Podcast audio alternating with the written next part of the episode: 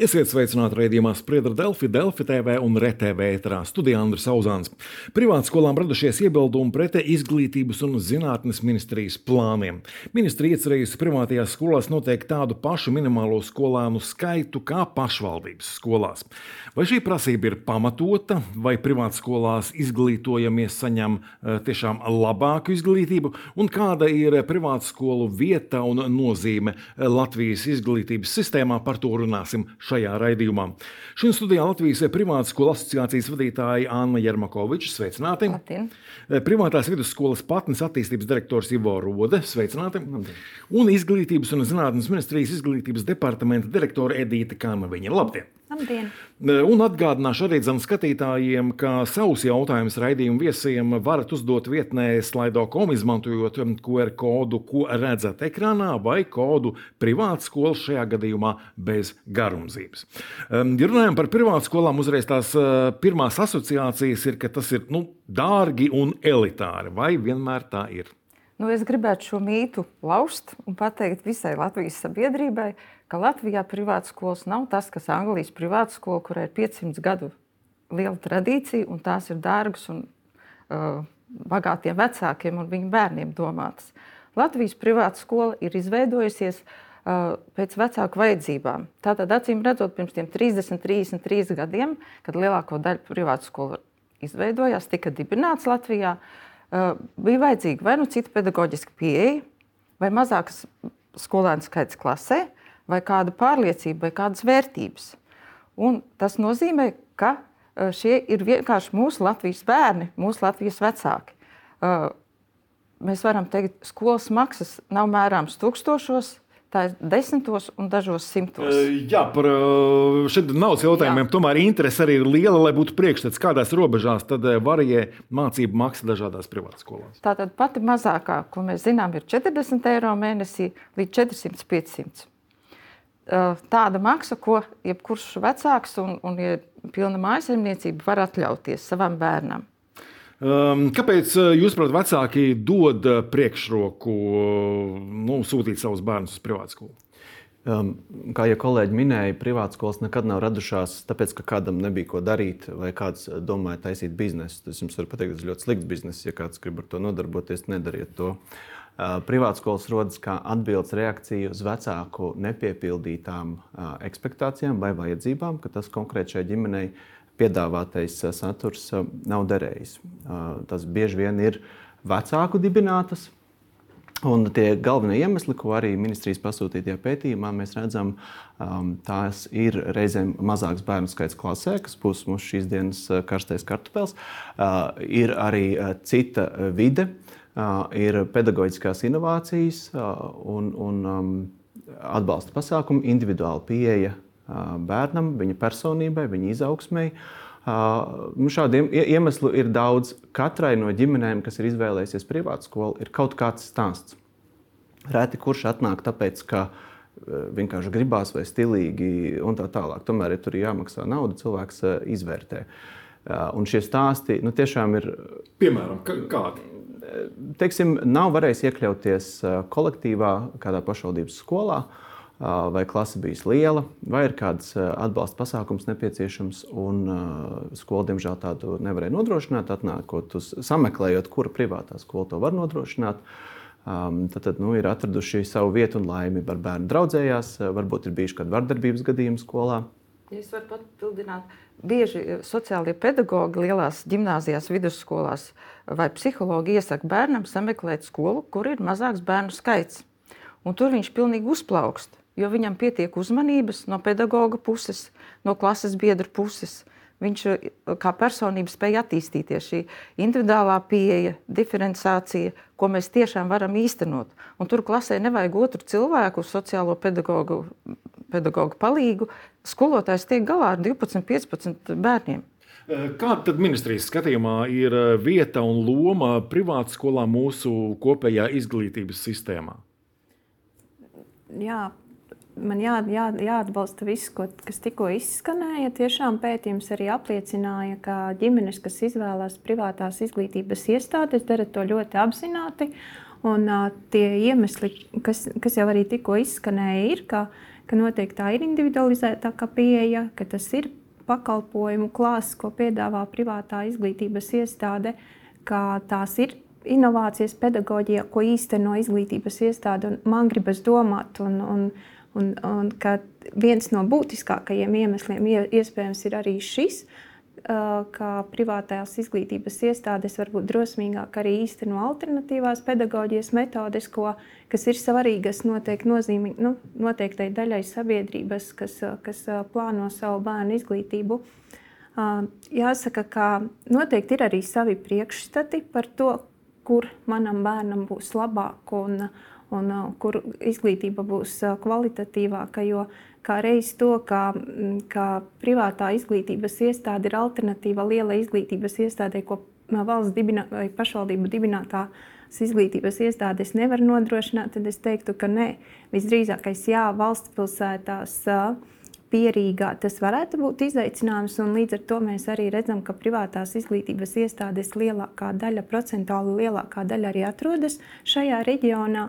Bet, ja mēs skatāmies uz valsts reģioniem, tad loģiski, ka arī pašvaldību dibinātās izglītības iestādes var noda, nu, nod, nodrošināt šo pašu alternatīvo uh, iespēju uh, atrast piemērotāku izglītības vidi bērnam, kas ir klases ar mazāku skolēnu skaitu, kas ir ar lielāku atbalstu mācību procesā. Tā kā noteikti šeit ir arī ģimenes vai privāta izglītība ir tiksim, tā, atslogojums budžetam, vai tomēr ir tā, ka nu, vecāki maksā vairāk par kaut kādām ekstrām? Tur noteikti kolēģi izstāstīs labāk un precīzāk. Ja mēs runājam no, tā, no valsts puses, tad atbilstoši tam, kā finansējumu pedagoģa darba samaksai saņem pašvaldības dibinātās vai valsts dibinātās izglītības iestādes, līdzīgi šo finansējumu saņem arī privātās izglītības iestādes atbilstoši tam, cik skolēnu skaits ir izglītības iestādē, cik šobrīd ministru kabineta noteikumi nosaka atbilstošā pakāpē kādu finansējumu katrs viens bērns atnes uz izglītības iestādi, tādu to saņem. Vai tā ir pašvaldības dibināta izglītības iestāde vai privāta izglītības iestāde? Paturpinot šo, jā, šo tematu. Jā. Tieši tā ir. Mēs saņemam to naudu, kas seko skolēnam. Un, tā ir tieši tāda pati kā valsts vai pašvaldības skolā. Bet tas viss, kas attiecas uz uh, uzturēšanu, ēkas, uh, komunāliem maksājumiem, uh, remontiem, tas viss gulstās uz vecāku pleciem. Jo arī pašvaldības ne visas atbalsta. Var teikt, Rīgas pašvaldība vienam eh, bērnam mēnesī atvēl 12,98 eiro. Kā jūs domājat, ko par šo naudu var izdarīt? Tā tad ir kāds zīmols, flomasters varbūt jā, var nopirkt. Pat grāmatu nevienu nevar iegādāties bērnam. Tātad eh, šis eh, finansējums ir līdzvērtīgs 120 līdz 140 eiro par skolēnu mēnesī. Tas tiešām nosedz pedagoģa darba algas uh, samaksu kaut kādā līmenī. Un, uh, tas ir nu, procentuāli diezgan liels uh, daudzums, uh, kas nosedz uh, izmaksas skolas. Bet tas, ko es teicu, kur ne pašvaldība, ne valsts nav uh, atbildīga par to, par uh, komunāliem maksājumiem, uzturēšanas sēks, uh, nodokļiem zemes nodokļiem, viss tas gulstās uz vecāku pleciem. Bet eh, šis līdzfinansējums eh, privātskolām, eh, vai to saņem tātad, pilnīgi visas privātas skolas, un cik liels tātad, procentuāli tas, tas tātad, līdzfinansējums salīdzinoši ir? Nu, tātad šo finansējumu saņem visas akreditētās privātas skolas. Mēs, lai izsniegtu valsts atzītu izglītības dokumentu 9. un 12. klasē, tiekam visas akreditētas katru sešus gadus pie mums arī ierodas izglītības kvalitātes valsts dienests, un mums ir laba sadarbība jau visus šos 30 gadu garumā. Paldies viņiem par to, ka viņi uztur šo kvalitātes kritēriju prasības un to latiņu. Jo mūsu skolēni parāda tiešām labus rezultātus gan centralizētos eksāmenos, gan olimpiādēs. Un, un tas ir tātad vienādi vērtīgi un vienādi labi mācās skolēni gan privātā, gan valsts sektorā. Uh, jā, Jā, divas lietas. Pirmā, eh, Kanaviņas kundze pareizi minēja, ka reģionos ir iespēja um, arī pašvaldības dibinātām skolām nodrošināt mazāku bērnu skaitu. Un tomēr liela daļa vecāku izvēlas apmeklēt privātu skolas, lai gan ir šāda iespēja pašvaldības dibinātajās skolās. Tā tad joprojām ir iemesli, uh, kas nav saistīti tikai ar bērnu skaitu klasē.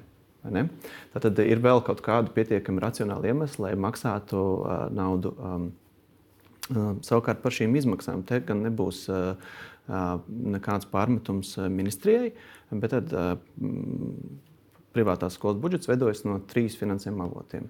Valsts finansējums, ko mēs saņemam tādā pat apmērā kā pašvaldības skolas, pašvaldību finansējums un vecāku līdzmaksājums.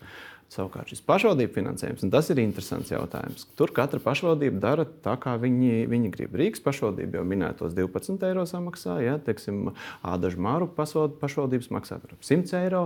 Kā nu kurš izdomā? Tad ir šie ir tāda formula, pēc kuras tiek aprēķināts izmaksas uz vienu bērnu.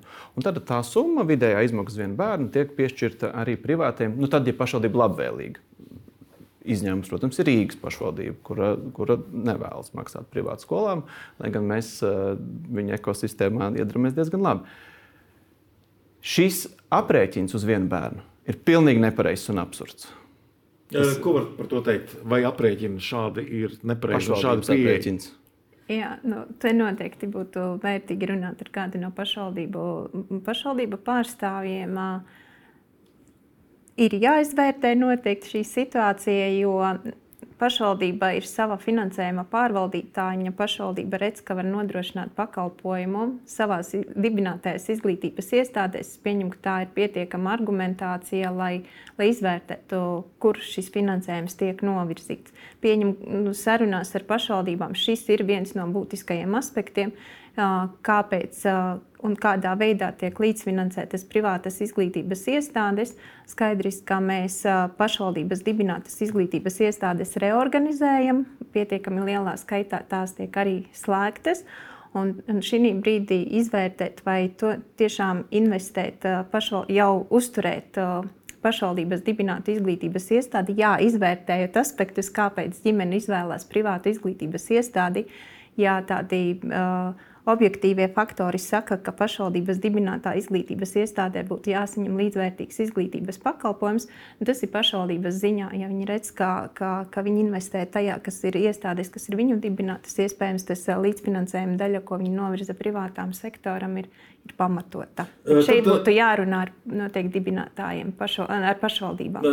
Par to galveno jautājumu skolēnu skaitu. Tad, tad Privāta skolu asociācija pauž bažas par jaunajām prasībām par skolēnu skaitu klasē arī privātas skolās, kādas tad ir tās prasības un kā tās eh, ietekmētu šo eh, līdzfinansējumu saņemšanu vai arī Jā. Eh, nesaņemšanu. Mēs noteikti tūlīt varēsim arī saņemt atgriezenisko saiti no privātā sektora, bet šobrīd ir sagatavots informatīvais ziņojums, kompleksi risinājumi augstvērtīgas izglītības nodrošināšanai vispārējā pamatā un vidējā izglītībā, kur mēs ar sarunās ar pašvaldībām esam vienojušies par kritērijiem, kādai ir jāatbilst izglītības iestādē, izglītības iestādē, cik skolēniem ir jābūt klašu grupā, lai izglītības iestāde no valsts saņemtu pilnu programmas finansējumu. Sarunas ir notikušas ar pašvaldībām, un šīs te noteikti kriteriji, kas ir šobrīd aprakstīti ziņojumā, tiek plānoti nostiprināt arī normatīvajā bāzē. Ziņojumā bija teikums, ka šie kriteriji nav attiecināmi uz privātajām izglītības iestādēm, jo brīdī, kad tapa ziņojums, mums tiešām vēl nebija no izdiskutēts ar privātajām izglītības iestādēm, kas būtu kriteriji, kas ir jāpiemēro privātai izglītības iestādei, jo mūsu skatījumā, ja reiz mēs izvirzām kritērijus valsts dibināt, pašvaldību dibinātajām, tad tādiem ir jābūt arī privātajām izglītības iestādēm. Un tas, ko mēs virzām šobrīd no Izglītības un zinātnes ministrijas, tad uh, arī pašvaldību dibinātajām izglītības iestādē, atkarībā no tā, kur atrodas izglītības iestāde, nav piemēroti vienādi noteikumi visām. Uh, reti apdzīv, uh, retāka blīvuma teritorijās apdzīvotības ziņā kritēriji ir zemāki. Tātad šīm izglītības iestādēm 1, 3, 4, 6 un 7, 9 klasē skolēnu skaits katrā no grupām ir jābūt 30 bērniem, vidēji 10 bērni klasē. Varbūt arī, protams, klases, kur vienā klasē var būt 7 bērni, vienā 13, bet šim vidējam rādītājam jābūt 30. Ja mēs runājam par administratīvajiem centriem un par valsts pilsētām, attiecīgi šis rādītājs ir ar augošu dinamiku, tad tie ir 60 vai 120 bērni. Ja mēs runājam par privātām izglītības iestādēm, un kā jau mēs minējām, tad privātās izglītības iestādes vairāk bāzējas Rīgā. Tad šeit būtu piemērojams skaits, ka katrā no klašu grupām būtu jā, jābūt vismaz 120 skolēniem, bet dati liecina, ka šādu kritēriju var izturēt tikai ļoti atsevišķas privātās izglītības iestādes. Tāpēc mūsu piedāvājums, lai tomēr ekosistēmā šis piedāvājums saglabājas, privāta izglītība, mēs piemērotu kritēriju, kas ir atbilstoši zema blīvuma teritorijām. Tie būtu 30 skolēni 1, 3 klasē, 34, 6, 37, 9 klasē. Un savukārt 60 skolēniem būtu jābūt 10, 12, lai izglītības iestāde saņemtu pilnu programmas finansējumu. Vai šāds prasības samazinājums jūs apmierina? Teiksim, godīgi, no 1 līdz 9 klasē, jā, vidēji privātās izglītības iestādēs eh, skolēnu skaits nav tāds kā mazās lauku skolās. Tur trīs vai pieci bērni. Klasē vidēji ir 12, 15, 17 bērni.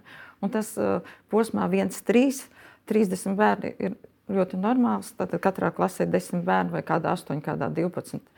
Tāpat tās posmā uh, 4, 6 vai posmā 7, 9. Nu, jautājums ir par vidusskolām. Uh, šeit tas sasniedzamais skaits 60 varētu būt pagrūts. Nu, pie tā ir jāpiestrādā.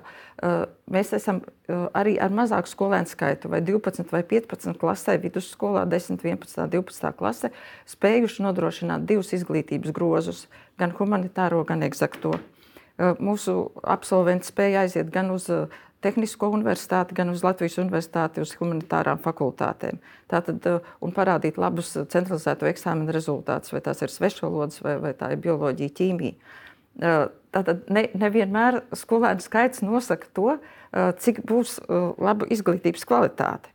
Nu, šī brīdī iznāk tas, ja līdz šim tā nauda sekoja tam skolēnam, un vienalga, kaut vai tie bija septiņi vai astoņi, mēs sadalījām tās programmas nodrošinājumu, tagad nu, tie 20 mums būs jācenšas, lai dabūtu tos 20 bērnus šajā posmā. Eh, pie tām pašām programmām. Programmas ir, eh, kā jau teicu, akreditētas, kvalitātes dienests ir apstiprinājis, un mēs viņus īstenojam. Vienkārši parādās šis kvantitatīvais rādītājs - 60 bērni.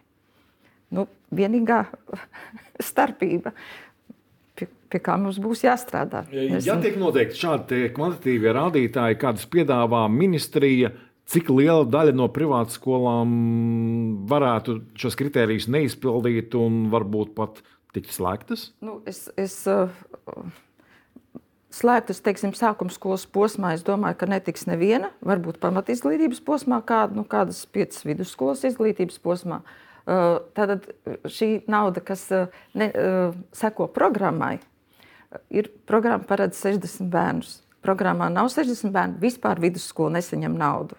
Nevis mazāku saņem, pamatskolas posmā mēs saņemam vienkārši mazāku. Nu, ja tur nebija tie 30 bērni, teiksim, 25, un tos 5 piemaksā vecāku vai dibinātājs. Bet šeit, ja vidusskolas posmā, neviens dibinātājs nespēs sekt visu programmu. To gan es varu pateikt. Uh, optimālais skolēnu skaits klasē vai privātā skolās tas automātiski vienmēr būs mazāks? Nevienmēr. Ir atsevišķas privātas skolas un atsevišķas klašu grupas, kas ir ārkārtīgi populāras, kur vienkārši tā vairākus gadus pēc kārtas sakrīt, ka ir ļoti, ļoti liels pieprasījums.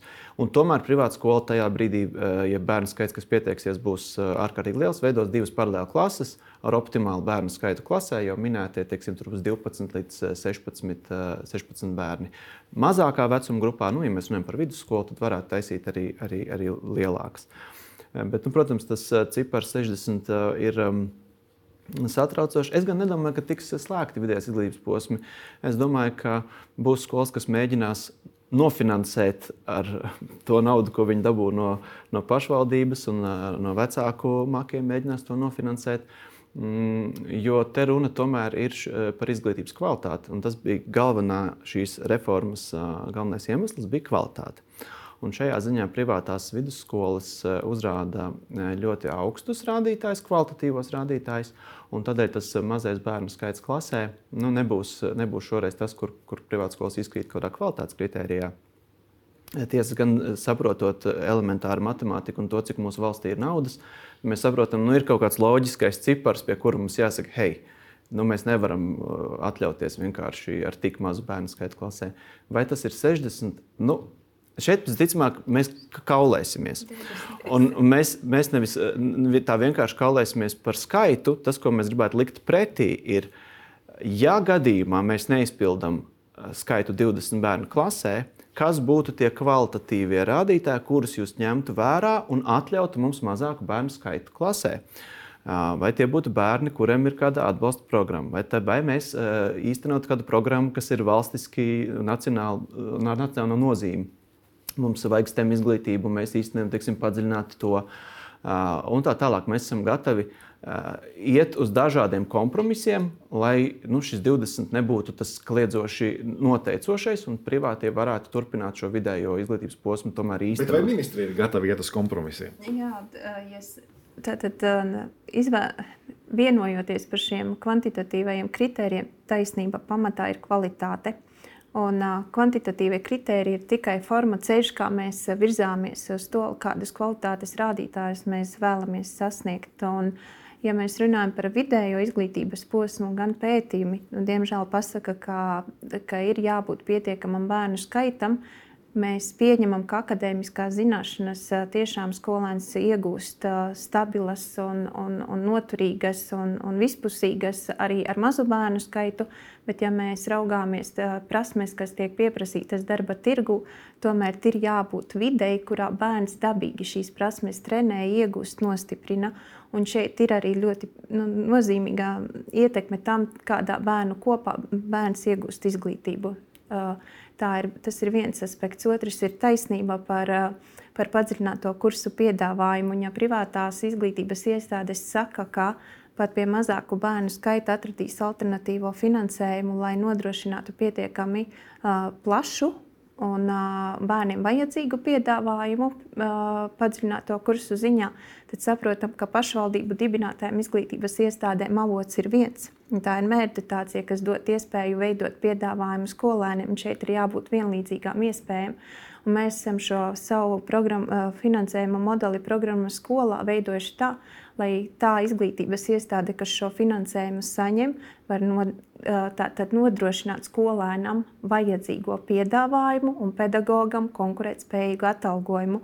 Un, šajā, un, un šeit gan būs tas, ko mēs sakām. Mēs, var, mēs manuprāt, piedāvājam ļoti labu kompromisu piedāvājumu privātajam sektoram, ir jāsaglabā arī līdzsvars. Ar to mēs nevaram veidot izņēmumu privātajam sektoram, savukārt nosakot citus spēles nosacījumus, pilnīgi citus pašvaldību dibinātajām vidējām izglītības iestādēm. Līdz ar to, ja mēs esam šo notiekušies, no, nu, vienojušies, ka šādi kriteriji darbosies pašvaldību dibinātajām izglītības iestādēm, Nu, es šobrīd man nav cita mandāta teikt, ka mēs piemērosim kaut ko citu privātajām izglītības iestādēm.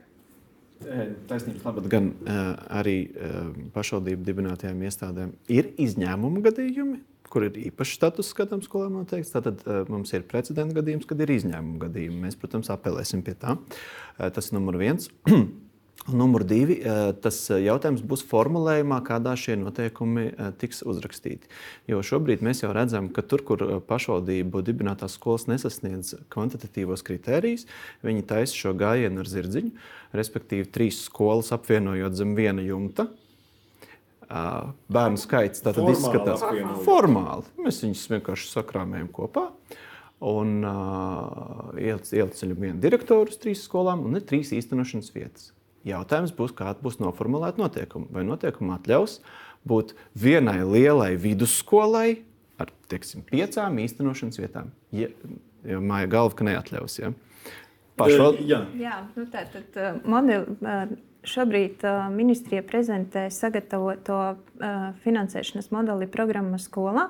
Un tas nozīmē, ka, lai uh, izglītības iestāde pretendētu uz finansējumu, tad jāiztur tādas divas pakāpes. Uh, krit, atlases un, un piemērošanas pakāpe, kad tātad pirmais ir tas, jā, var izglītības iestāde formāli izveidoties kā viena izglītības iestāde ar piecām īstenošanas vietām. Un tātad kopējais skolēnu skaits būs tāds, ka tas ir atbilstošs ka, ka iestādē ir jāsaņem finansējums, taču kopējais skolēnu skaits jāpēc fakta skatīsies klašu komplektāciju. Un šī gadījumā, ja ir piemēram trīs. Nu, Mums ir tādi precedenti taisnībā, ka ir izveidota viena izglītības iestāde, ir ar trijām pirmajām klasēm, un katrā no pirmajām klasēm ir trīs skolēni. Tad atbilstoši šim šeit saņems finansējumu par vienu izglītības iestādi, kas ir vidēji desmit bērni klasē, un, un attiecīgi šeit nāks līdzi pašvaldības līdzfinansējums. Jā, mēs tiešām paredzam, mēs arī esam no nozares un saprotam, kā mēs organizēt procesus, ja, ja ir jāatrod izņēmuma gadījumi, tāpēc arī šie gadījumi ir, ir, ir, ir izskatīti. Un, un šeit arī ir vienošanās. Jā. Jā. Atgādināšu arī skatītājiem, ka savus jautājumus raidījumu viesiem varat uzdot vietnē slaido.com, izmantojot QR kodu, ko redzat ekrānā, vai kodu privātas skolas bez garumzīmes. Šeit jau ir vairāki jautājumi. Viens no tiem, ko darīt reģionālajām skolām, piemēram, tādām, kurās izglīto bērnus ar īpašām vajadzībām, kur fiziski nesavāks tik daudz skolēnu? Tātad pats modelis rada varbūt sabiedrībai radies aplams priekšstats, kā mēs valstiski virzāmies uz, uz lielām klasēm, uz pārpildītām skolām. Mūsu, tāpēc arī ir rādītājs optimāli 20 skolēni klasē. Tas ir optimālais rādītājs, uz ko mēs šobrīd arī nu, virzāmies. Mums ir minimālie kritēriji, kur arī tāpat ir uh, septiņi skolēni klasē. Ja tas ir lauku reģions, uh, varbūt arī septiņi skolēni klasē. Ja tā ir pilsēta, tad attiecīgi tie var būt arī 16 skolēni klasē. Un finansējumu tāpat izglītības iestādes saņems, ja tā ir pamats, obligātā izglītība, pamatskola. Uh, Un, savukārt mēs tiešām rada, esam iestrādājuši modelī priekšnosacījumus, lai arī valsts pilsētās izglītības iestāžu vadītāji būtu ieinteresēti vairāk veidot vidēji lielas klases, kas ir ar skolēnu skaitu no, no 17 līdz 24. Un, un, un, un, un tiešām tikai izņēmumu gadījumos veidot to klases, kur skolēnu skaits ir lielāks par 25, 26 skolēniem. Mēs zinām, ka mums ir, kā jūs minējāt, ļoti pieprasītas skolas, kur vecāki ļoti vēlas, lai bērni mācītos, kur izglītības iestāžu infrastruktūras kapacitāte ir ierobežota un tāpēc šīs pilnās klases veidojas. Bet, ja ir skolēni ar īpašām vajadzībām, kā arī šis modelis paredz ļoti lielu atbalstu, finansējuma daļu tieši atbalsta personālam, un šeit priekšnosacījums izglītības ieguvēja noteikti ir tas, vai bērns saņem arī atbalstu mācību procesā, atbilstoši viņam grūtībām, tas, kas viņam ir nepieciešams finansējums atbalsta personālam nenonāks līdz katrai izglītības iestādē, tas nonāks līdz pašvaldībēm. Pašvaldība varēs izvērtēt, kurās izglītības iestādēs vairāk ir bērni, kuriem ir šāda vajadz, īpaša, īpašs atbalsts vajadzīgs, un šo finansējumu lielākā daļa arī uz šīm izglītības iestādēm virzīt.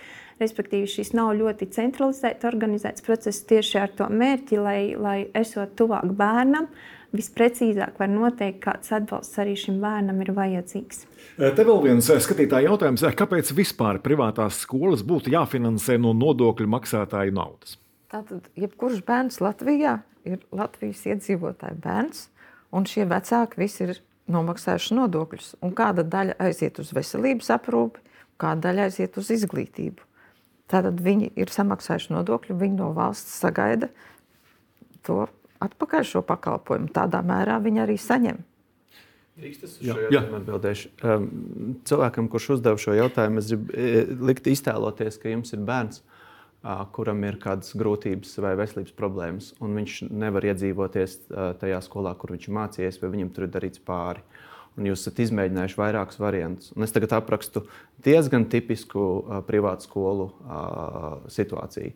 Un vienīgais jūsu glābiņš ir privāta skola. Un otra lieta, mēs mūsu valstī pilnīgi visu uh, deleģēja privātajiem. Ceļus remontē privātie, būvē gaismas pili privāts uzņēmējs. Kāpēc būtu jābūvē gaismas pils un jāmaksā privātam būvniekam viņa peļņa? Tā ir mūsu demokrātijas sistēma. Ja kāds var privātais izdarīt kaut ko tikpat kvalitatīvu kā valsts vai pašvaldība, mēs to deleģējam. Šajā gadījumā uh, izvairīties no naudas maksāšanas par izglītību nav iespējams. Tā nauda tiks kādam maksāta vai pašvaldības dibinātai skolai vai privātajam. Tas, kurš to īsteno šajā gadījumā, nav svarīgs. Šajā gadījumā svarīgs ir bērns, kuram ir nepieciešama šī izglītība. Eh, ko valsts, eh, ko ministrija mm, regulē attiecībā uz privātajām eh, skolām, atšķirībā no pārējām skolām, un vai uz privātajām skolām attiecas viss tas, par ko mēs esam daudz runājuši līdz šim, jaunais mācību saturs, skola 2030, vai ministrija par to vispār neinteresējas, ko māca privātskolās? Kā jau kolēģi teica, tātad programmas tiek licencētas, izglītības iestādes tiek akreditētas, standarts tiek īstenots kā valsts dibinātā vai pašvaldību dibinātā izglītības iestāde, tā privātā izglītības iestāde. Droši vien mēs zinām, ka saturs ir viens, dažādas ir pieejas, kā mēs sasniedzam rezultātu. Un, savukārt, tieši tāpat kā pašvaldību dibinātās izglītības iestādes, arī privātās izglītības iestādes, ja mēs runājam par kvalitāti, tad tiek akreditācijas procesā vērtētas un, un, un arī saņem noteikti gan uh, gan uh, rekomendācijas, kas nepieciešamas uzlabot, lai, lai, lai kvalitāte tiktu veicināta. Līdzvērtīgi spēles noteikumi. Vai privātās skolās izglītojumie saņem tiešām labāku izglītību, nu, vai izglītības izmērāmie rezultāti ir uh, labāki pār vidēju? Nu, pirmkārt, mēs izglītojam cilvēku, lai viņš kļūtu par personību.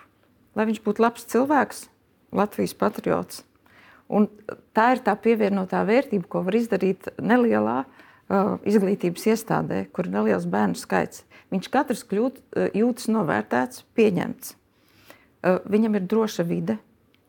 Uh, viņš, uh, es gribu apmainīt, ka viņam pietiek to vienaudžu, ar ko kopā attīstīties un veidoties. Uh, uh, Un to, ja mēs runājam, to vienmēr var izmērīt ar eksāmenu rezultātiem. Nē, to nevar izmērīt. Jo tā labklājība, par ko mēs runājam arī tagad, lai būtu, to mēs tiešām varam nodrošināt. Vecāki, kad izvēlas privāto izglītības iestādi, viņi, viņi sajūt, ka šeit ir cita emocionālā vide. Ka tam bērnam uh, ir iespēja augt, attīstīt savu potenciālu maksimāli, jo viņam ir individualizēta pieeja. Viņš, viņš ir tās uzmanības centrā. Viņš sasniedz to labāko, kas viņam ir dots. Vai tā ir matemātika, vai tas ir sports, vai, vai tās ir mākslas? Ja drīkst papildināt, Jā. labākais dokuments izglītības jomā, kas mūsu valstī ir uzrakstīts, ir valsts izglītības standarts. Un valsts izglītības standartam ir vispārīgā daļa, un tad ir konkrētā daļa. Un valsts izglītības standarts sākas ar ļoti skaistu preambulu, tādu paragrāfu, kurā ir aprakstīts, kāds vispār ir izglītības mērķis mūsu valstī. Izglītības mērķis ir veidot personību, kas apzinās mūsu valsts un Eiropas demokrātijas vērtības, cilvēku, kurš ir kritiski spējīgs domāt, rūpēties par sevi, par savu veselību, par apkārtējo vidi, par mūsu sabiedrību un būt izglītots tādā, tādā, tādā, tādā jomā, un tad jau mēs ejam detaļās. Mēs nekad nesa, neesam teikuši privātie, ka mūsu izglītība ir labāka.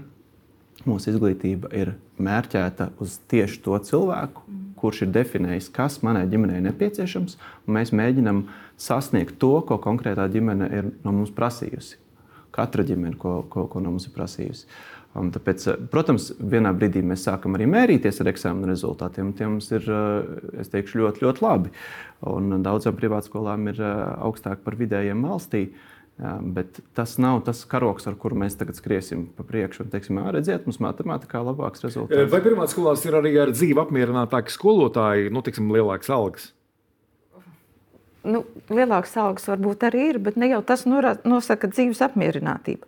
Tā Mums ir kopiena. Tomēr. Tā ir nosaka, kopiena. Arī, nosaka, arī, bet tā ir kopiena. Tie ir vienoti mērķi. Tas ir vienāds dzīves skatījums, vienādas vērtības.